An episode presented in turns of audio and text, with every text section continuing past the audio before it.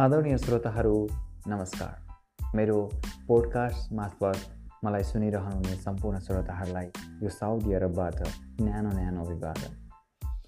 आज चाहिँ मैले मेरो यो कन्टेन्टको रूपमा नेपाली काङ्ग्रेस जसले सडक तताइरहेको छ त्यो किन आवश्यक पर्यो भन्ने विषयमा केही कुरा राख्न गइरहेको छु।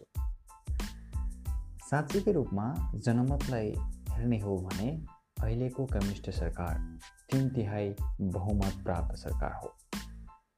हामी दुई तिहाईभन्दा पनि धेरै श्रेय उसलाई दिन्छौँ। किनकि धेरै सङ्ख्यामा सदनमा राष्ट्रिय सभामा र सङ्घीय संसदहरूमा प्रदेश संसदहरूमा चाहिँ उनीहरूको सहभागिता छ। तर यो सरकारले जुन किसिमको जनअपेक्षा अनुरूप काम गर्नुपर्ने थियो जनताले जुन किसिमको आशा राखेका थिए त्यो आशा अनुरूपको काम गर्न सकेन। आशा अनुरूपको काम नहुँदा जनता निराश भइरहेका छन्। काम त भएन भएन तर यो सरकार ट्रान्सप्यारेन्ट भएन। भ्रष्टाचारीहरूलाई श्रेय दिँदै राख्यो भ्रष्टाचारीहरूलाई संरक्षण गर्दै राख्यो। यति त यति कात्रोमा पनि भ्रष्टाचार हुन थाल्यो मास्कमा पनि भ्रष्टाचार हुन थाल्यो सेनिटाइजरमा र आरपिसीमा पनि भ्रष्टाचार हुन थाल्यो। देश कोरोना पीडित भइरहँदा कोरोनाकै महामारीमा पनि भ्रष्टाचार भयो। त्यसमा सरकार मौन भयो भन्ने धेरैको गुनासो छ। जनता यति बेला के खाने के लाउने भन्ने अवस्थामा छन्। जनता कोरोना सङ्क्रमितहरूलाई उपचार गर्नका लागि तडपिरहेका छन् तर मेरो सरकार आफ्नै पार्टीको विवाद मिलाउनको लागि लागिरहेको छ। सरकारलाई पार्टीतिर ध्यान छ जनतातिर ध्यान छैन यसो हुँदा आफूले विश्वास गरेको नेता आफूले विश्वास गरेको पार्टी देश बनाउँछन् भन्नेहरूले पार्टी नै बनाउन नसक्दा जनता अहिले कम्युनिस्ट पार्टीप्रति फ्रस्ट्रेट छन्। यो कारणले गर्दाखेरि उनीहरू चाहिँ अब हामीलाई कम्युनिस्ट पार्टीले पनि सुख दिँदैन भन्ने अनुभूति भइसकेको छ। त्यो कारणले फ्रस्ट्रेसनको एउटा प्रारूपको रूपमा काङ्ग्रेसको त्यो सभामा थुप्रै जनताको सहभागिता देखिएको छ। सरकारप्रतिको अविश्वसनीयताका कारण उनीहरू सडकमा छन्। अझै पनि सरकार सचिएन भने नेपाली काङ्ग्रेसको विरोध सभा मात्र होइन हिजो राजतन्त्र जिन्दाबाद हाम्रो राजा हाम्रो देश प्राणभन्दा प्यारो छ भन्ने सभाहरू पनि भव्य हुनेछन्। अनि यो सरकार आफ्नो पार्टीको विवाद मिलाउनमा बालवटार भित्तै रम्नेछ। बाहिरको वातावरण छुट्टै हुनेछ अनि जनता फेरि यो सरकारको विरुद्धमा बोलिरहनेछन्। त्यसैले मेरो यो सरकारलाई आग्रह के हो भने करप्सन गर्नेहरूलाई ठाउँ लगाऊ ट्रान्सप्यारेन्ट बन्न सिक पार्टीतिर भन्दा जनतातिर ध्यान दिऊ यो भयो भने साँच्चीकै रूपमा तिमीले गरेका कामहरूको कदर हुनेछ। तिमी सही यो काम राम्रो गरिरहेका छौ भने पनि सरकार तिम्रा नराम्रा कामहरू धेरै भएका छन्। त्यसै कारणले गर्दाखेरि जनताले तिमीलाई निशाना बनाइरहेका छन्। मेरो आग्रह हो राम्रो काम गर ट्रान्सप्यारेन्ट हो पारदर्शिता नै ठुलो कुरा हो। भ्रष्टाचारलाई संरक्षण होइन? भ्रष्टाचारलाई कारवाही गर्न सिक? चाहे त्यो तिम्रो नजिकको मान्छे होस् या टाढाको मान्छे। अख्तियारमा भ्रष्टाचार मन्त्री हुँदा सत्तरी करोड काण्ड। त्यति मात्र होइन। मास्कमा भ्रष्टाचार मैले अघि नै भनिसकेँ सेनिटाइजरमा भ्रष्टाचार भ्रष्टाचार नियन्त्रण गर्न सक्नु ट्रान्सप्यारेन्ट हुनु नै जनमैत्री सरकारको एउटा भावना हो। त्यो अनुरूप सरकार अगाडि बढ्यो भने आन्दोलनहरू कम हुनेछन् अन्यथा दिन प्रतिदिन आन्दोलन बढ्दै जानेछ सरकार होसियार सावधान रह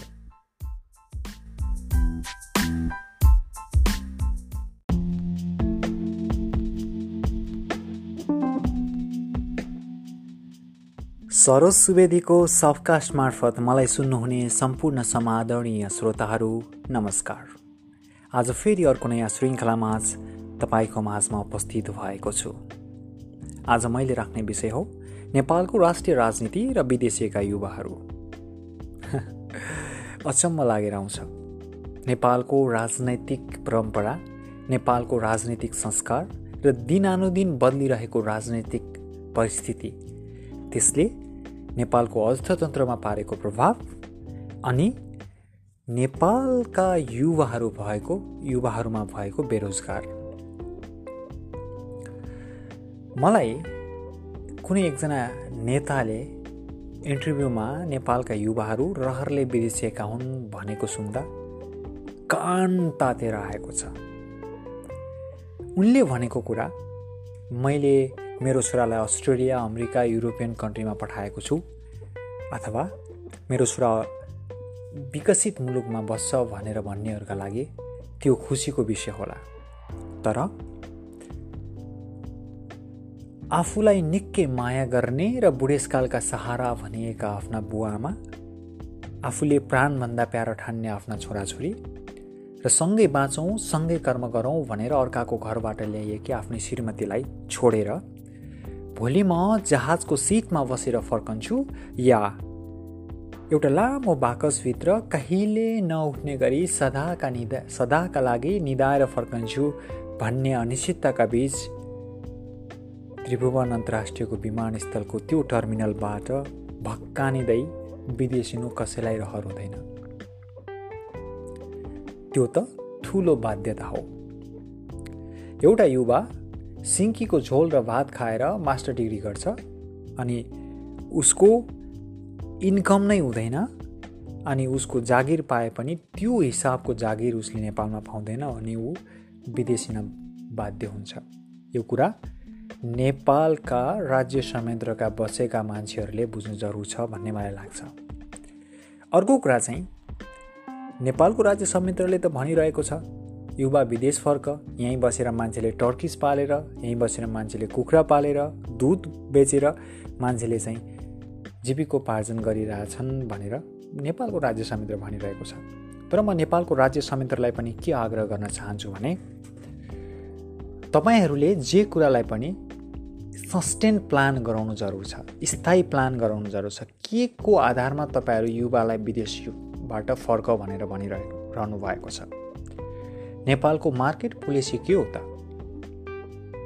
एकजना युवा सल्यानमा बन्दागोपी र फुलकोपी फलाउँछ र उसले फलाएको बन्दागोपी र फुलकोपी तुलसीपुर नआउन पाउँदै कुहिएर जान्छ उसले बजार पाउँदैन। र रिपुडियाबाट भित्रिएको हाइब्रिड बन्दागोपी र काउलीले बजार पाउँछ। एउटा युवाले जुम्लामा फलाएको स्याउले भन्दा काश्मीरको स्याउले नेपालमा बजार पाउँछ। अनि त्यो युवाले दुःख गर्नुको अर्थ के त? What is the market policy of the Nepal local प्रोडक्टलाई प्रवर्धन गर्नको निम्ति स्थानीय उत्पादित सामग्रीहरूलाई प्रवर्धन गर्नको निम्ति नेपालको गभर्मेन्टसँग के पोलिसी छ? हामीले युवाले यहीँ देशमै बसेर केही गर्न सकिन्छौँ भनिरहँदा नबिर्स्यौँ न। झापाका किसानहरूले टमाटर नबिग्दा बाटोमा फ्याँकेको। हामीले नबिर्स्यौँ न। युवाहरूले फलाएको बन्दागोपीले बजार पाएन भनेर उनीहरूले त्यसमाथि डोर्जो चलाएको। युवाहरूले निकै दुःख गरेर भैँसी पालेर दुध दुहुँदा त्यो दुधले पनि बजार पाएन भनेर युवाहरूले त्यो दुध चाहिँ बाटोमा फालेको। नेपालको मार्केट पोलिसी नै छैन। नेपालले आफ्नो स्थानीय उत्पादित सामग्रीहरूलाई प्रवर्धन नगरिकन बजारीकरण नगरिकन बाहिरबाट टनका टन तरकारी लिनु दुध लिनु यो चाहिँ युवाहरूलाई देशमै रोजगारीको वातावरण सिर्जना गर्ने भन्ने होइन। त्यसैले मेरो आग्रह नेपालको राज्य संयन्त्रमा बसेकाहरूलाई छ पहिला तिमीहरू युवालाई स्वदेशमै राख्नु छ भने पोलिसी बनाऊ। त्यसको के बेसिसमा चाहिँ युवालाई चाहिँ हामी प्रमाणितली चाहिँ यो देशमा राख्न सक्छौँ? यहाँको उत्पादित सामग्रीहरूलाई हामी कसरी बजारीकरण गर्न सक्छौँ भन्ने पोलिसी बना र विदेशबाट आयातित गरिने विदेशबाट लिइने सामग्रीहरूलाई चाहिँ पूर्ण रूपमा चाहिँ त्यसलाई चाहिँ स्टप गरिकन त्यसलाई चाहिँ बन्द गरिकन लोकल प्रडक्टहरूलाई चाहिँ प्रवर्धन गर्नु बजारीकरण गर्नु जरुरी छ। त्यो भयो भने युवाहरू पनि बिस्तारै बिस्तारै आफ्नो देशमा केही गर्न सकिन्छ भन्ने सोचको रूपमा रूपान्तर हुनसक्छ त्यसैले मैले त्यो इन्टरभ्यू दिने आदरणीय नेता अथवा हामीले भनेका नेता अहिले नेता भन्नलाई त लागेको छैन। तपाईँले पहिले युवाको बारेमा सोच्नुभन्दा अगाडि डेटा एनालाइसिस गरेर बोल्नुहोस्। तपाईँका देशका कतिजना युवाहरू विदेशमा छन् कतिपयजना युवाहरू चाहिँ विदेशमध्ये पनि युरोपियन कन्ट्रीहरूमा छन् कतिजना युवाहरू चाहिँ उनीहरू चाहिँ अरबियन कन्ट्रीहरूमा छन् र उनीहरूको रेमिटेन्सको कन्ट्रिब्युसन के हो भन्ने कुरा हेरिकन बोल्नुहोला त्यसरी अरबमा बस्ने युवाहरूलाई तपाईँले दिनुभएको अन्तर्वार्तामा चाहिँ हेपेर बोलेको जस्तो थियो। त्यसमा ख्याल गरिदिनु होला। युवा पङ्क्तिलाई देशमा राख्नु छ भने सबैभन्दा पहिले सस्टेन प्लान गराएर के आधारमा तपाईँले उहाँहरूलाई रोजगारी उपलब्ध गराउनु हुनुहुन्छ व्यावसायिकताका निम्ति लोन केमा के दिन सक्नुहुन्छ भन्ने विषयमा चाहिँ तपाईँहरूले सोच्नु जरुर छ।